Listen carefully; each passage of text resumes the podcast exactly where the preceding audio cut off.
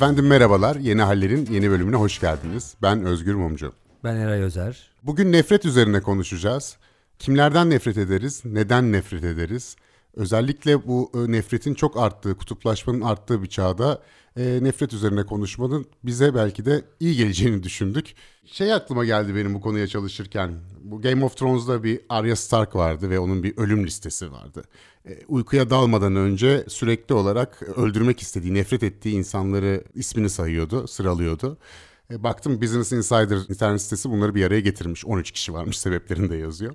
Eray senin böyle bir öldürme olmasa bile bir nefret listen var mı böyle akşamları kendi kendine teremmüm ettiğin? Valla Özgür nefret çok güçlü bir şey ya. Yani şimdi beni tanıyanlar yani yakından tanıyanlar şeyi biliyorlardır. Ben öfkeliyimdir. Çocukluğumdan beri öfkeli bir tip diye bilinirim. Sinirlenirim yani her şeye. Ona sinirlenirim, buna sinirlenirim. Sinir derken ama böyle emekli albay gibi bir şeyim yani aslında. Şimdi şimdi böyle yani tersine işliyor bende birazcık. Benjamin Button gibi. Şimdi zaman geçtikçe biraz daha sakinleşmeye başladım. Bader Meinhof'un kurucularından Ulrike Meinhof'un hani üzgün olmaktansa öfkeli olmayı yeğlerim diye sert bir lafı vardır. Ben birazcık hayatta toplumsal olaylara bakarken de biraz öyle düşünüyorum. Fakat nefrete gelince iş nefret çok yoğun bir duygu. Hatta tek başına duygu mu değil mi? O da belli değil Özgür. Yani nefret bir duygu mu yoksa duyguların karışımı mı? Mesela içinde tiksinme var. Efendime söyleyeyim öfke zaten var acıma var, hor görme var. Yani böyle birden fazla duygunun bir araya gelip böyle kalıcı bir sende etki bırakması nefret. O yüzden de galiba nefret listem yok. Yani böyle temiz döverim elime geçse dediğim adamlar, insanlar var hayatta ama o kadar yani. Döver salarım sonra. Yani hele ki şimdi konuşacağız öfkeyle arasındaki farka e, değineceğiz. Bir gruba yönelik ya bunlar zaten böyledir diye topyekün yaklaştığım bir şey vallahi yalan olmasın varsa da özür diliyorum insanlardan ileride bunu kendimi şey yaparım temize çekerim yok ama yani aklıma gelmiyor böyle bir şey. Bahsettin öfkeyle nefret arasındaki farktan. E, işte bu konuyu araştırmaya başladığımızda hep ikimizin de karşısına çıkan kişi bu Aristoteles'ti. Aristoteles'in retorik e, eserinde bu ayrımdan bahsetmiş. Sanırım yazılı olarak da ilk burada incelenmiş öfke ve nefret kavramları. Bu arada şuna değinmek istiyorum. Ya bu Aristoteles'e bazen niye Aristo diyoruz yani böyle İbrahim'e İbo der gibi. Yani böyle bir biz, biz lüzumsuz bir samimiyet mi bu yoksa bir dilden geçerken yolunda başına bir kazalar mı geldi? Çok fazla araştıramadım onu. Koskoca filozofa Aristo denir mi diyorsun? Ya, yani? değil mi? Muzo der gibi böyle. yani... Muzo der gibi. Aristo bak buraya. Şeyi fark etmiştim ben şarkıcı Neco var ya çok da severim şarkılarını. Gelişim orkestrasıydı yanılmıyorsam. Evet. Bir şekilde onlarla aynı yerde bulunmuştum falan ondan Necati diye bahsediyorlardı. Orada da tam tersi bir durum var. Yani kamuoyu Neco diyebiliyor, Necati diyorlar Arkadaşlar ama. Necati diyor gibi. Aristoteles Aristo durumunda da böyle bir şey var. Yani işte ikisini de kullanabiliriz bu arada. Ben Aristoteles diyeyim şimdilik çünkü yani... Bir kere böyle bir ithamda bulunduktan sonra senin artık Aristo demen ömrün boyunca yasak. Ya bir bilen varsa da bize izah etsin. Ben şöyle hızlıca bir araştırdığımda bu ayrımın e, nereden kaynaklandığını bulamadım. Mesela Sokrates, Sokrat hani belki orada Fransızcadan geliyor falan. Neyse. Platon'a Eflatun diyoruz. O daha kötü ya işte düşünsene. Ya o herhalde şey Arapça üzerinden bize gelmiş falan oradan evet, herhalde geliyor. Eflatun diye adamı. Evet. Ben anlamam birisi Eflatun dese Platon'dan bahsettiğini ama. Aristoteles şöyle diyor yani öfke başımıza gelen bir şeyden kaynaklanır diyor. Somuttur diyor. Yani sana birisi bir zarar vermiştir sen de öfkeyle ona zarar vermek istersin. Şahsi bir durumdur diyor öfke. Yani senin bahsettiğine daha yakın ya da Arya Stark'ine daha yakın. İşte ona bir takım fenalıklar yapmışlar ona zarar vermek istediği insanlar. Nefret düşmanlık ise diyor mutlaka şahsen bir zarara uğraman gerekmez diyor. Yani birisinin belli bir tür insan olduğunu düşünmen yeterlidir ondan nefret etmen için diyor. Öfke kişilere yönelik özel olarak. Diyor ki mesela Aristoteles'te Kalias'ta öfke duyabilirsin diyor. Ya da Sokrates'e öfke duyabilirsin diyor şahsen. Yaptığından ettiğinden sana zarar verdiğini düşündüğün için diyor. Ama nefret diyor tiplere yöneliktir. Mesela herkes hırsızlardan ve muhbirlerden nefret eder diye bitiriyor oradaki pasajını. Nefret sadece o gruba ait diye mi? Sanırım öyle anlamamız lazım. Birisinin sadece o gruba ait diye belli bir tipolojiyi taşıyor diye e, ona karşı duyduğumuz bir duygu galiba ve tam da bu sebeple daha kompleks öfke gibi kavramlara, duygulara göre. Evet. Hatta şöyle güzel bir laf var. Birisinden olduğu kişi yüzünden nefret edersin ama birisine yaptığı şey için öfkelenirsin. Yani orada öfkenin karşılığı davranış aslında. Yani birisi bir şey yapıyor, bir davranışta bulunuyor. Sen de o davranıştan hoşlanmıyorsun. O davranıştan hoşlanmadığın için de bunun karşılığında da bir tepki gösteriyorsun. Ama nefret bir tutum artık ve şöyle bir durum var. Bireysel olarak nefreti yaymak çok zor. Bir kişiden nefret edilmesini sağlamak yani kitleleri bir kişiden nefret eder hale getirmek. Tabi tarihte var işte ne bileyim Hitler hemen ilk akla gelen işte bir nefret objesine dönüşmüş artık. Ama gruba yönelik nefret çok daha hızlı yayılıyor. Bütün araştırmalarda da bu çıkıyor. Ve aynı zamanda bir farkı daha var. Nefret öfkeye göre de daha hızlı yayılan bir şey. Yani şimdi nefrette bireysel nefret ve gruba yönelik nefret diye düşünürsek bireysel nefretin yayılmasının zor olduğunu söyledik. Gruba yönelik nefretin yayılmasının kolay olduğunu söyledik. Öfkeyle kıyasladığımızda da nefretin kendisi öfkeye göre çok daha hızlı yayılıyor. Yani birisinin bir başkasına öfkelenmesini sağlamak çok zor. Hani Ahmet evladım bak işte bunlar bize şöyle yaptılar. Bundan sonra bundan ne, bu insanlardan nefret ediyoruz filan dediğin zaman bunu daha rahatlıkla yapabiliyorsun. Ama hadi sen de öfkelen dediğinde o öfke geçmiyor. Hatta nefretin öyle bir etkisi var ki mesela şuna bakmışlar. Savaşı yaşayanlarla o savaşı bir sonraki jenerasyonunda dinleyenler arasındaki nefret ilişkisine bakmışlar. Hiçbir değişiklik görmemişler. Yani bizzat o bombalara, silahlara, kurşunlara maruz kalanla dinleyen, maruz kalanların hikayesini dinleyenin karşı tarafa duyduğu nefret aynı çıkmış. Bu kadar güçlü olabiliyor. Bir şey daha söyleyeyim. Biz normal gündelik dilimizde nefreti çok kullanırız. Düşünsene makarnadan nefret ediyorum der çocuk mesela. Atıyorum makarnadan da çocuk niye nefret etsin? Ne kadar kötü örnek verdim ya.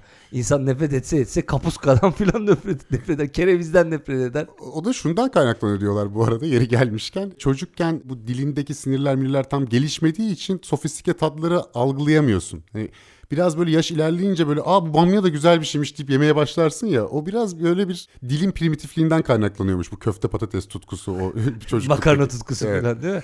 Ben ama şeyi biliyorum. Benim dilim ne kadar gelişmişti gelişmemişti bilmiyorum da o kerevizin yemeği vardır etli. Böyle patates yemeği gibi yapılan. Onun kokusu burun demek ki koku alma duyularım çok gelişmiş.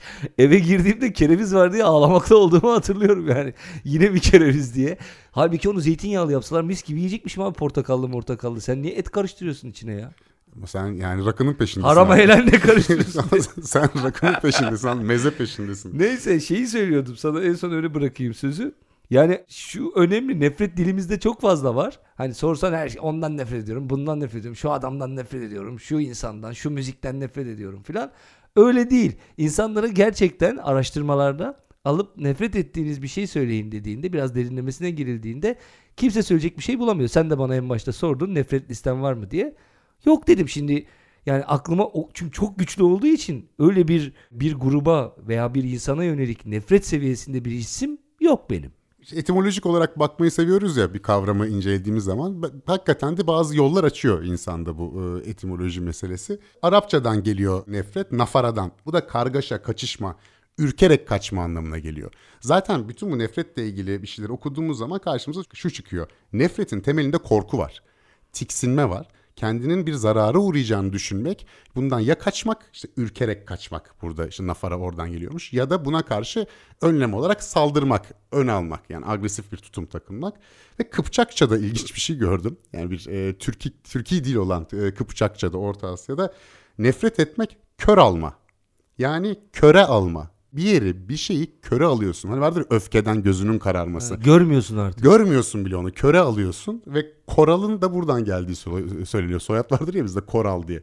Ha, ee, şeyden nefretten geliyor aslında. Yani öyle diyor, diyorlar. Tarama sözlüğüne göre ise işte eski Türkçe'de herhalde Çağatayca'da buşurga demekmiş. Bazı türevleri hala Anadolu'da şöyle kullanılıyor. Mesela eşeğin atın e, eğlenerek zıplaması. Bu da aynı ha, kökten geliyormuş. Coştukça coşuyor o da yani. Coşma, kızışma e, gibi bir takım temelleri var. Bak ya. bu Freudian bir yere gider ha. Yani şehvet duygusuyla nefretin birbirine yaklaştığı bir yer burası. Evet Anadolu'nun bazı yerlerinde hala şey olarak kullanılıyormuş. Özellikle çiftlik hayvanlarının azma dönemlerinde kullanılıyormuş o kök. Bak hakikaten oraya gidiyor. Çünkü Freud diyor ya bu ambivalence diye Türkçesi yok. İki şeyin aynı anda olması durumu. Aşk ve nefret böyle bir şeydir diye çıkıyor işin içinden.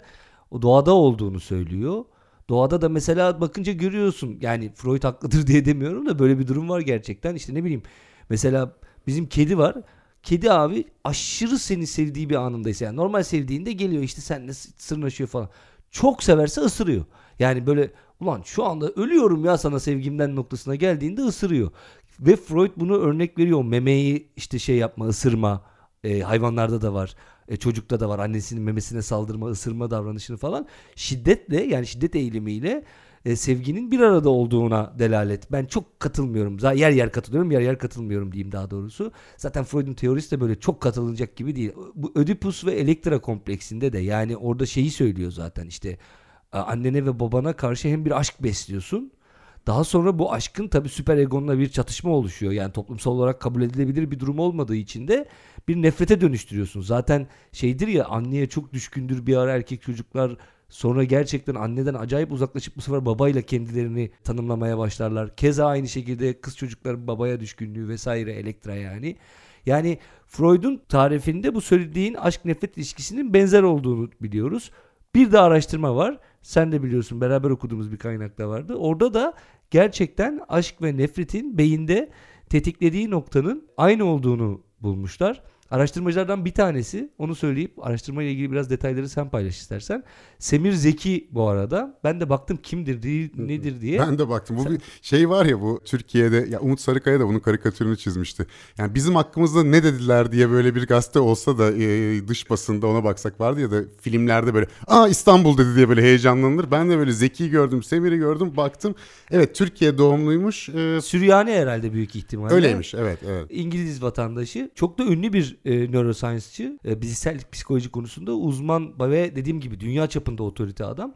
E, iki kişi yapmışlar gerçi araştırmayı ama biz Semir Zeki'ye takıldık tabii. Muzaffer Şerif falan düşünce bu psikoloji Çiğdem Kağıtçıbaşı falan psikolojide bayağı dünya çapında Türkiye'den insan yetiştirmişiz yani. Yani toplumsal psikolojinin kurucularından biri Muzaffer Şerif baktığında ama ayrı bir bölüm yapmak lazım aslında Evet evet galiba. bir Muzaffer Şerif bölümü yapmak lazım. Şeye benziyor bu araştırma. İlkokulda hatırlıyorum işte bir kızın saçını falan çekersin. O senin kafana vurur falan. Böyle ve hatırlıyorum öyle bir an birileri gelip şey demişti. Bütün aşklar nefretle başlar ha ha ha diye gülmüşlerdi. Böyle sinir olunuyordu bunlar böyle denince. e, bu araştırma biraz onu gösteriyor. E, şu açıdan. E, işte denekler gelmişler. Onlara demişler ki nefret ettiğiniz kişileri bize söyleyin işte. Eski sevgili olabilir, patronun olabilir falan. Söylemişler. Onların fotoğrafları var. İşte sevdiğiniz kişileri söyleyin. İşte e, hali hazırdaki sevgilisi bir süre sonra nefret edeceği muhtemelen. Ya da işte çok sevdiği arkadaşı vesaire anası babası. Fotoğrafları gösterdiğinde nefret edilen insanın fotoğrafı da gösterildiğinde, çok sevdiği insanın fotoğrafı da gösterildiğinde beyindeki putaman ve insüler kortekste aynı yerlerde hareket görülmüş. Fakat şöyle bir fark var. Nefret edilen insanın fotoğrafı gösterildiğinde bir yer daha harekete geçiyor. Frontal korteks. Burası e, eleştirel düşüncenin ve kritik düşüncenin karar alma mekanizmasının olduğu yer. Aşık olunan, sevilen kişininki gösterildiğinde burada bir hareketlenme olmuyor. Hani vardır ya bir ilişkide önce her şeyiyle çok kabul edersiniz. Bir süre sonra her şey batmaya başlar. Sanırım bu işte e, ilişkinin o aşamasına gelenler dikkat etmeli. Hani iş aşktan nefrete doğru evrilmeye başladı mı diye. E, beyinde böyle bir durum varmış. University College of London'da yapılan araştırma bunu gösteriyor yani bize. Resmen şey aşkın gözü kördür dedikleri şeyin birebir somut hali aslında bak nefretin de gözü kördür dedik ilk başta. Burada ama idrak mekanizması devreden kalkıyor aşkta artık karşı tarafla ilgili ne düşüneceğini, ne yapacağını, ne plan yapacağını falan bir kenara atıp kör gözün parmağına yardırıp gidiyorsun. Nefrette öyle değil. Nefret ettiğin kişiye dair planlar yapmaya işte böyle yaparım, şurada indiririm falan falan neyse yani o kafandaki o kötü düşünceler onun üzerine gitmeye devam ediyorsun. Aralarında böyle bir fark var. Ama bir yandan da ikisinin de temelinde potansiyel olarak işte Freud'un filan da söylediği bir şiddet meselesi var. Şimdi burada şeye geliyor. İnsanın doğasında var mı bu şiddet? Esas ona bir bakmamız lazım. Zaten yani bilim insanları da buna bakmışlar. Hayvanlardan yola çıkmışlar. Enteresan bir çalışma okudum bakarken ve aslında nefretin kökenlerine de işaret ediyor. Bu bonobolarla şempanzeler arasındaki e, evrimsel gelişim farklılıklarına bakıyorlar. Çünkü şempanzeler çok daha şiddetli, birbirlerine zarar veren, bu arada ataerkil işte başka gruplara karşı çok öfkeli, saldırgan davranışlar içerisinde bulunan hayvanlar. Bonobolar ise çok daha sakin, birbirlerine çok benziyorlar bu arada fiziksel olarak. Hatta araştırmacılardan bir tanesi şeyi söylüyor. Yani uzunca bir süre ben ayıramadım diyor. Bu işe yeni başlayan herkes bonobolarla şempanzeleri birbirlerine karıştırırlar görünüş olarak diyor. Fakat eğer diyor uzun süre çalışmaya başlarsanız da davranışlarından hemen ayırırsınız diyor. Yani bono, bu bonobo bu şempanze diye. E, o bonobolarsa böyle ana erkil, işte yavrularıyla mutlu mesut yaşayan, çok fazla savaşmayan, daha çok sevişen ondan sonra hayvanlar. Ve şunu görüyorlar. Bunlar tarih boyunca birbirlerinden ayrılırken bonobolar Kongo Nehri'nin güneyinde kalıyorlar. Şempanzeler ise Kongo Nehri'nin kuzeyinde. Abi kuzeyde şartlar çok daha zor. Ee, işte yemek zor bulmak zor, işte kaynak bulmak zor, hayatta kalmak zor, yırtıcı hayvanların sayısı daha fazla, tehditlerin sayısı daha fazla vesaire. Güneyde ise öyle değil. Güneyde ise daha fazla bolluk var. Bolluk içinde büyüyen bonobolar ama savaşma seviş gibi bir noktaya gelmişler. Zorluk içerisinde büyüyen şempanzeler ise öldüreceğim abi önüme çıkanı. Eş dostu yiyeceğim. Ondan sonra başka gruptan şempanzelerin ağzını burnunu kıracağım filan gibi bir noktaya gelmişler. Dolayısıyla şeyi söylüyorlar. Yani nefret dediğin şeyin e, hayatta kalmaya dair bir yanı da var. Zaten bunu söyleyen bu arada araştırmacılar da var. Diyorlar ki dünyanın en iğrenç adamı mesela bir diktatörü diyorlar. Nasıl indirirsin? Nefretle indirirsin. Bunun diyorlar fonksiyonel bir yanı da vardır. O insandan nefret etmesen o kadar yüksek motivasyon sağlayamazsın kitleler nezdinde diyorlar. Genlerimizde, geçmişimizde buna bir ihtiyaç var diyorlar. Böyle bir kökeni olduğunu söylüyorlar yani. Bu insan için de geçerli. İşte yapılan araştırmalar çok şaşırtıcı olmayacak şekilde e, nefretin en fazla gündeme geldiği, en çok yoğunlaştığı dönemlerin yoğun ekonomik problemlerin yaşandığı dönemler, işte hızlı kültürel değişikliklerin olduğu dönemler, siyasi büyük kargaşaların olduğu dönemler olduğunu söylüyor. Yani burada ekonomik krizde, kültürel değişikliklerde, bu siyasi kargaşada insanlar bazı temel ihtiyaçların var. İşte var ya Maslow'un piramidi, ihtiyaçlar piramidi. Orayı vuruyor bütün bu krizler. Sen ihtiyaçlarını karşılayamadığın zaman çaresizlik içerisinde yıkıcı bir şekilde ihtiyaçlarını karşılamak zorunda kalıyorsun. Yapıcı bir şekilde değil. Bonobolar güzel, yapıcı bir şekilde onları e, ihtiyaçlarını karşılayabilecekleri bir durum var. Çünkü nedir bu ihtiyaçlar piramidinde? İşte karnın doyacak, sevildiğini bileceksin, sırtın pek, altın kuru. Ondan sonra kendini gerçekleştirme, efendim kendini aşma, sanat, sepet falan oralara gideceksin. Güzel bir hayat yaşayacaksın. Ama bunu yapamıyorsan kendini aşmada buna şey de deniyor. Pseudo transandans da deniyor. Yani sözde kendini aşma. O zaman bir grubun içinde eriyerek, bir başka grubu yıpratarak falan ihtiyaçlarını karşılıyorsun. Yani o bakımdan insandaki mekanizma da çok benziyor buna. Bu konuda da bir şey okumuştum zamanında. İnsan diyor şempanze ile bonobo arasında bir hayvandır aslında. Çünkü 30 tane şempanzeyi bir tane odaya koyun birbirlerini parçalarlar. Ama 100 bin insan bir stadyumda maç izleyebilir. Aslında o anlamda uyumlu da sosyal de yaratıklarız. Ee, bir yerde bulunabiliyoruz. Ama bonobolar güzel güzel sakin sakin. Maçı da nasıl izliyoruz gerçi Allah bilir de yani evet, 50 bin 50 bin girişebiliriz yani bu ha, arada. İşte o var yani 100 bin kişi bir e, klasik müzik konserinde sesimiz çıkmaz belki ama bir maçta holiganlar birbirlerine dalabilirler. Yani insanda ben ona şey diyordum e, şempanze bonobo endeksi diyorum. Yani insanda böyle bazen şempanzeye yaklaşıyoruz bazen bonoboya. bonoboya. Onda bir hayli e, sosyal koşullar belirliyor aslında. Bir tane daha ilginç mesela insanla yapılan bir araştırma var. Araştırmanın tarzını da çok sevdim. Şeyden dolayı e, akıl etmesi yani dizayn etmesi güzel. Yani şeyi merak ediyorlar. İnsanın doğasında bir ahlaki tutum, değer var mı? Yani bir karar mekanizması var mı? Yoksa tamamen öğrenilmiş bir şey mi diye. Çok küçücük çocuklara iki tane kukla e, gösteriyorlar. Kuklaların bir tanesi diğer kuklaya kötü davranıyor. İşte alıyor onu kutunun içine kapatıyor. Ondan sonra onu ittiriyor kuklanın bir tanesi diğerini. Bir tanesi ise hep mazlum. E, hep gariban. O böyle dayak yiyor diğer kukladan. Çok da şiddetli bir şey göstermiyorlar. Dayak diyemeyiz de. İşte biri diğerini ittiriyor kaktırıyor. %85'i bebeklerin hangi kuklayı almak istersin hadi oynamak için dediklerinde masum olandan yana tavır koyuyor. Yani masum olanla oynamak istiyor. O ittirip kaktıran kuklayı istemiyor. Aslında bir tutumu var. Bir ahlaki değeri var. Yani bebek dahi olsa o diğer kuklaya kötü davranan kuklayla oynamıyor. Buradan şuna karar veriyorlar. Diyorlar ki yani bu tavır yani insanda var olan bu moral değer, bu ahlaki değer, bu tavır, iyiden yana olma, mazlumdan yana olma tavrı aslında insanı bir noktadan sonra bir tercih yapmaya yöneltiyor.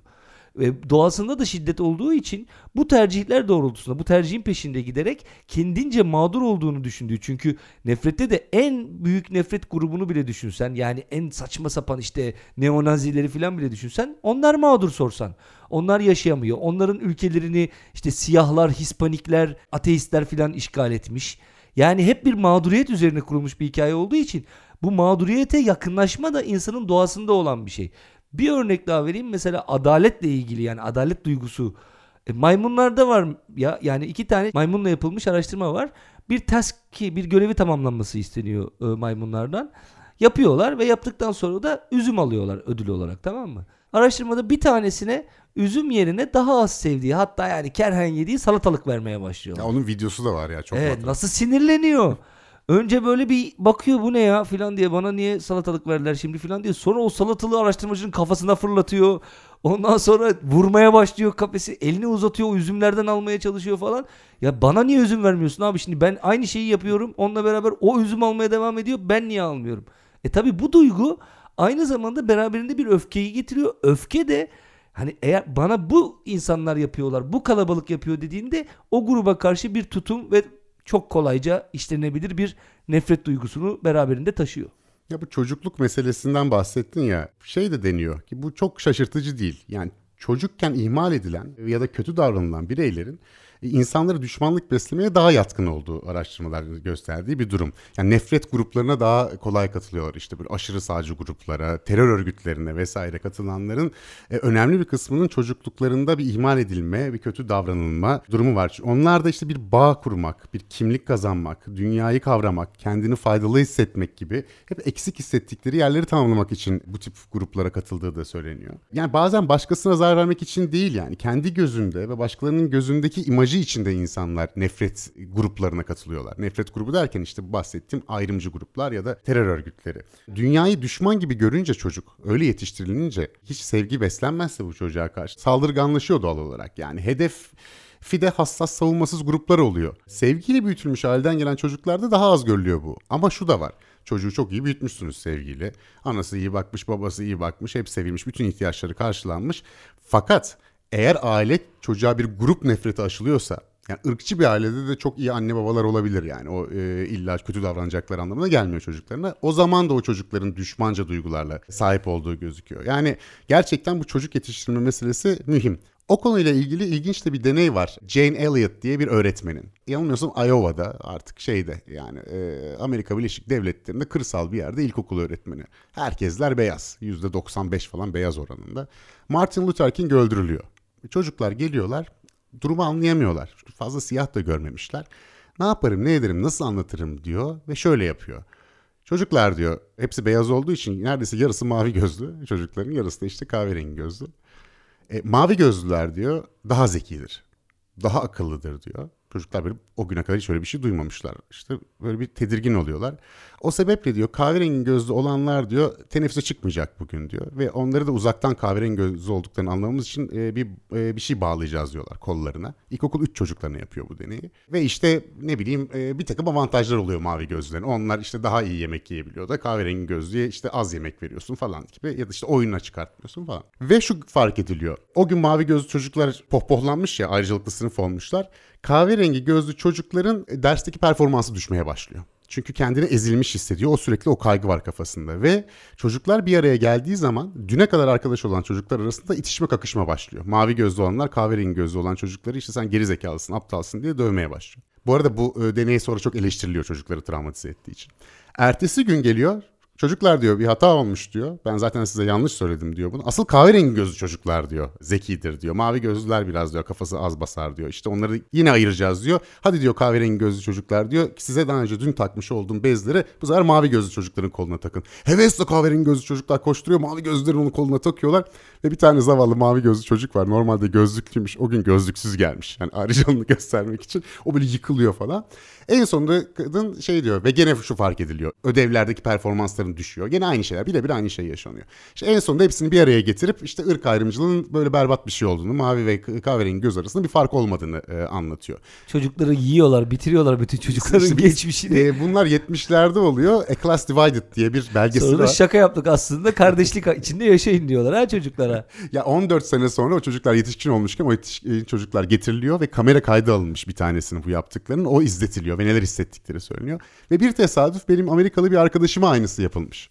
Aynı deney yapılmış e, ilkokuldayken. Ona sordum ne hissetmiştin diye. E, o dedi ki müthiş bir öfke hatırlıyorum diyor dışlandığım için. Yani oyunu oynayamıyorum, teneffüse gidemiyorum ve elimde olmayan bir sebepten ötürü diye. Şimdi bu deneyi şeyde de yapıyorlar. Yetişkinlere de workshoplar şeklinde yapıyorlar ve inanamazsın koca koca insanlar bağırıp çağırmaya başlıyor. Siz nasıl böyle davranırsınız mavi gözlere bilmem ne falan diye. Yani şunu biraz uzattım lafı şunu e, söylemek için yani getirdim buraya. E, sanırım bu insana biraz içkin bir durum. Yani bu in group out group durumu. Kendi grubunu koruma. Biz ve onlar duygusu. Bu iyi bir şey, şey bir anlamda bir grup ruhu oluşturmak için ama işte bu çok tehlikeli de bir yere varabiliyor ve e, insan aniden saldırganlaşıp nefretle e, bu işi tabiri caizse e, cılkını çıkartabiliyor. Anlattığın şeye de benziyor. Muzaffer Şerif'in Robbers Cave Experiment vardır ya ikiye bölerler bir kampa. Robbers Cave de zaten onların kamp yaptıkları yer herhalde. İşte ikiye bölerler çocukları ve işte iki tane kamp bayrak yaparlar falan. Sonra işte Stanford deneyinde yine aynı şey vardır. E, filmi vardır Das Experiment diye e, Almancaydı sonra İngiliz versiyonları oldu falan. Orada da böyle bir yani bu biz duygusu üzerinden insanoğlunu böyle konuşunca şey gibi geliyor. Türkçe kitabı da var Dalga diye. Evet evet. İnsanoğlu birazcık böyle bir keko bir varlık herhalde. Yani böyle bir şeylik var. Yani hemen böyle sen şusun diyorsun hemen bir tribe giriyor falan. Böyle biz buyuz abi falan diye. Düşünsene Robbers Cave'de de çocuklar kamp yapıyorlar. Onlara bir bayrak yapıyor. Ötekileri bir bayrak yapıyor.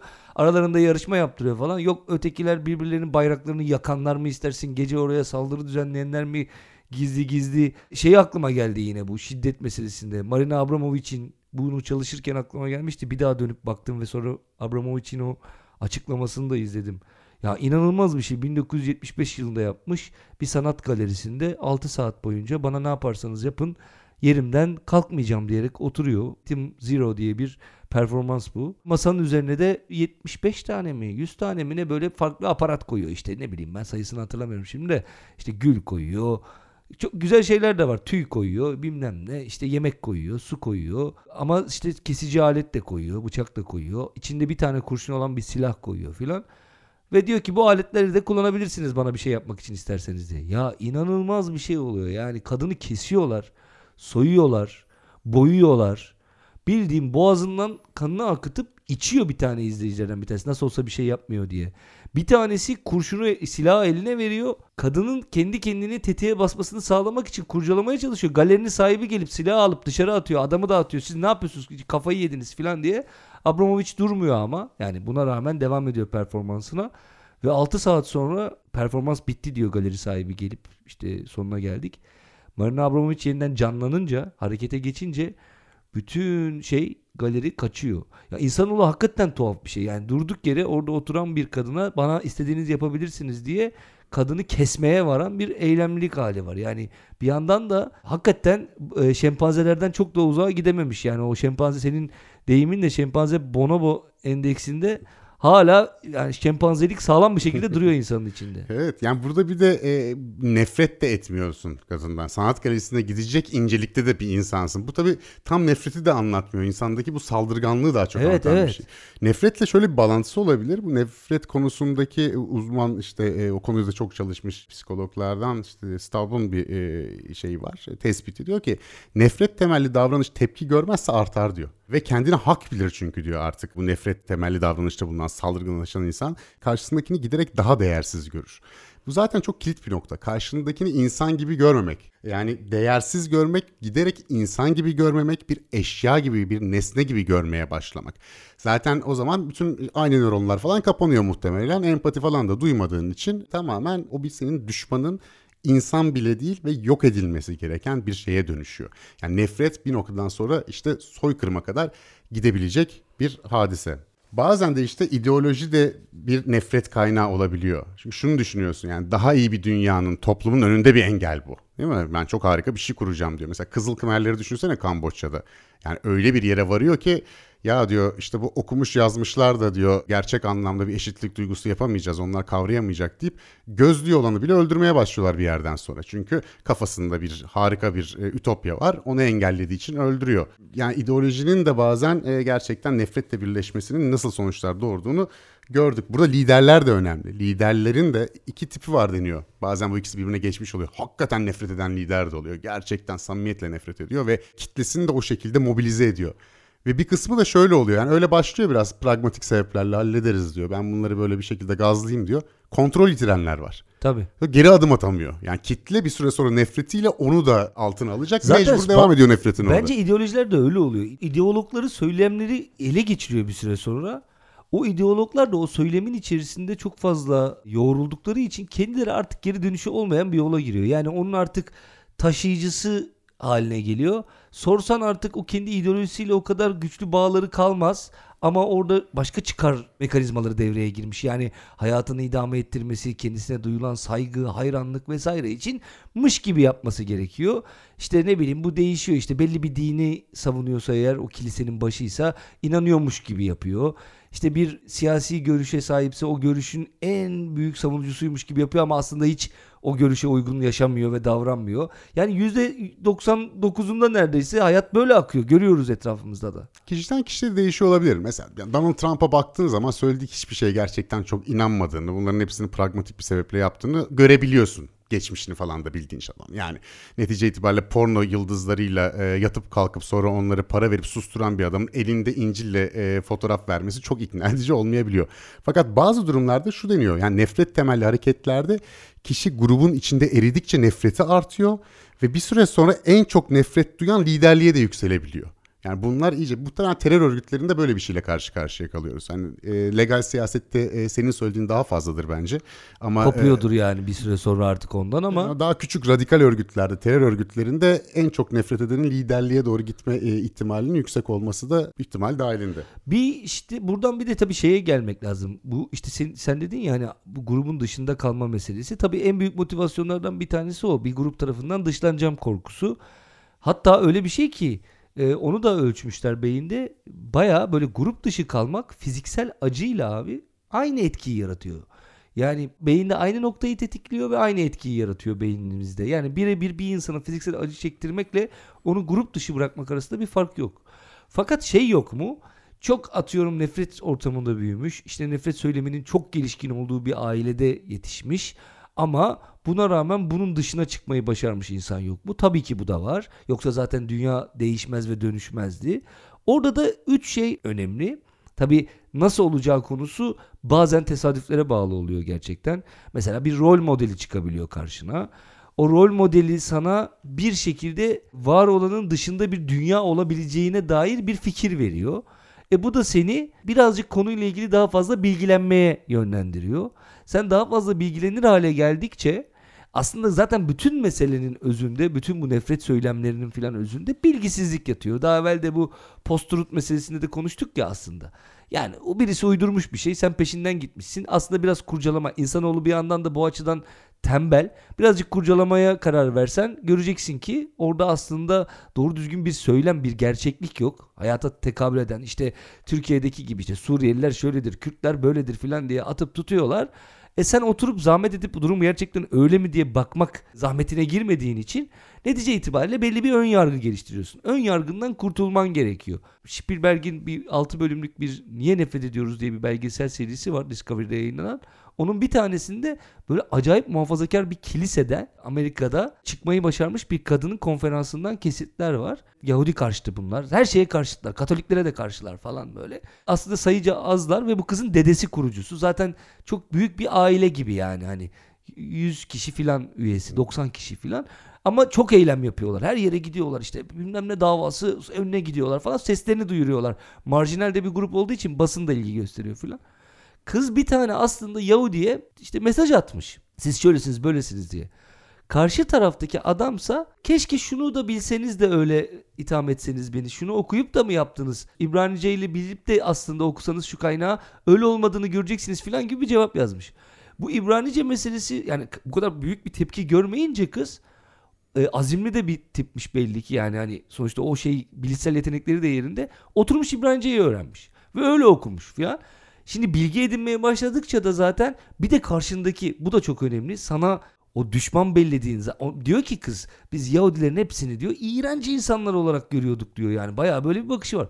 Öyle olmadığını adamın ona gayet normal bir de adam da karşı taraftan akıllıca bir geri bildirim alınca gittikçe daha çok ilgilenmeye başlıyor. Yani birbirini besleyen bir durum bu okudukça okudukça diyor anladım ki bomboş bir şeye inanıyoruz diyor. Çıktım gittim işin içinden grubun içerisinden diyor yani. E, buna benzer şöyle bir durum da var. Yani e, şimdi bu çocukken travmaya uğramışlar işte istismar edilmişler ya da ihmal edilmişlerin daha çok nefrete yatkın olduğundan bahsetmiştik. Benzer bir şekilde travmatize olmuş gruplarda topluca travmatize travmaya uğramış gruplarda da bu görülebiliyor. Ya da bir travmaya e, uğramış insanlarda ya mağduriyete uğramış insanlarda da bu e, oluyor. Nefrete daha yatkın oluyorsun.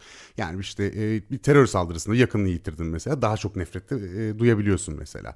Ama bunun tam tersi örnekler de oluyor. İşte İsrail'de görüyoruz değil mi? İsrail-Filistin meselesinde. İşte başka ülkelerde de görebiliyorsun bunu. İşte Hamas bir yerde işte saldırıda bulunmuş. Bir yakını ölmüş mesela bir İsrail'in.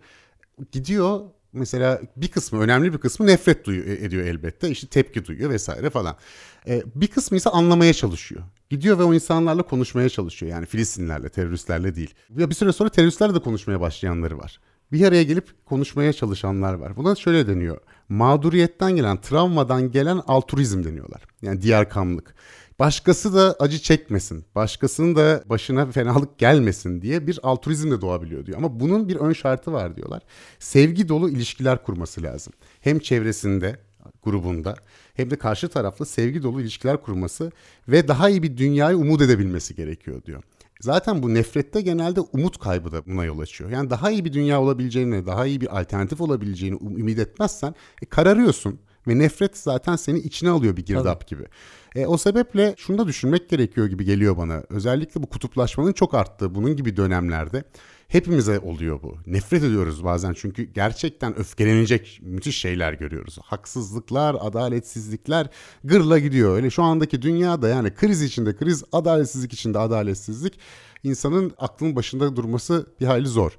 Fakat biz öfkelendikçe bu sarmalın devam edeceğini, biz nefret ettikçe daha da fena olacağını da görmemiz gerekiyor. O sebeple yani işte travma sonrası altruizm gibi hepimizin birbirini daha fazla anlamaya, karşı taraf diye bellediklerimizle de diyalog kurmaya çalışmamızda büyük fayda görüyorum ben. Yoksa böyle nefret içerisinde boğulup kalacağız gibi geliyor bana. Ve işte Kıpçakça'daki gibi işte kimseyi köre almayalım. Tamam herkesi de affetmeyelim ama kimseyi de köre almayalım diye düşünüyorum ben. Ve e, gözlerimizi açalım ve insanlarla iletişim kurmaya elimizden gelince devam edelim diyerek orkolumu galiba yaptım. Esen kalın efendim. Orkolukla bitirdin ama nefret gibi bir konuda senden bunu beklemek lazımdı zaten. Ben de aslında aynı yere getirecektim ama sözü. Yani bu nefret suçu dediğimiz şeyler tesadüf eseri ortaya çıkmıyor. Nefret suçu genel olarak işte azınlıklara yönelik saldırgan davranışların toplamına deniyor. Bu azınlıkların içerisinde her türden azınlık var. İşte siyahlar, hispanikler, eşcinseller. Bu ırk olabilir, din olabilir, etnik grup olabilir, milliyet, sosyal sınıf olabilir, siyasi düşünce olabilir, cinsel yönelim olabilir, tuttuğun takım, gittiğin okul hepsi olabilir. Bu nefret suçlarının aslında hayat akıp gittikçe azalmasını beklersiniz. Öyle olmuyor. Ee, burada hedef gösterme, kasıtlı hedef gösterme, siyasi çıkarlar için, rant için hedef göstermeler devam ediyor. Örnek olarak şunu söyleyecektim. Yani 2017'de Amerika'da yapılan bir araştırmada 917 tane nefret grubu var. Ve mesela son iki yılda bu gruplara yönelik e, sosyal medyadaki işte beğeni gönderileri %900 artmış. Hem yorum olarak hem de işte like'lıyoruz ya. 2017'de son 16 yılın en yüksek rakamlarına ulaşılmış. Ve enteresan Trump'ın e, Meksika'ya duvar örmeye karar verdiği dönemde Hispaniklere yönelik nefret suçlarında büyük bir artış var. Şimdi bu yıl yaşananlar zaten bizi de bu konuyu birazcık konuşmaya iten George Floyd meselesi, George Floyd'un haince öldürülmesi. Şimdi göreceğiz ki siyahlara yönelik nefret suçlarında artış olacak. Yani söylemeye çalıştığım şey şu ki bitirmeden önce birileri bize birilerinden nefret etmemiz için güdülüyor aslında. Ve en basit olan da bu güdüye kapılıp bunun bir parçası haline gelmek. Bunun dışında durmaya çalışmak daha zor. İşte anlattık bir sürü sebepten ötürü. E, şempanze olmayı reddetmek daha zor. Dolayısıyla bunun farkında vararak, bunun farkında olarak e, bugün var olan e, duygularımızı, öfkemizi belki de koruyarak bazı haksızlıklara, adaletsizliklere karşı bunun nefrete dönüşmesine izin vermemek gerekiyor. Ben de orkoluğumu böyle yapmış olayım. Ben de şunu ekleyeyim, geri geleyim esen kanı demiştim ama tam bu söylediğinden hareketle nefret suçları şu sebeple önemli. Yani nefret temelli davranış tepki görmezse artacak dedik çünkü iyice hak bilecek kendine. Yani önce bir gruba karşı sözle başlar, küfürle başlar, hakaretle başlar, sonra fiziki müdahale en sonunda öldürmeye kadar gider. Hakikaten de önü alınmazsa hukuki olarak alınmazsa da toplumsal tepki olarak da öne alınmazsa bunun en uç boyuta gideceği aşikardır. O sebeple hepimize bir insanlık görevi bu. Bir grup bizim grubumuz olmayabilir. Bir kesim bir nefret söylemine uğruyorsa, bir nefret suçu işleniyorsa onlara karşı onu görmezden gelmememiz gerekiyor. Bu aslında yani insan olmanın gereği, tersi ise şempanze olmanın gereği. Esen kalın. Merhaba. Bu bölüm biterken size ufak bir notumuz var. Yeni hallere destek olmak, bültenimize, konuklu özel bölümlerimize ve köşe yazılarımıza erişmek için Patreon hesabımızı ziyaret edebilirsiniz. Hesaba ulaşmak için patreon.com adresine yeni haller yazıp aratmanız yeterli. Teşekkürler.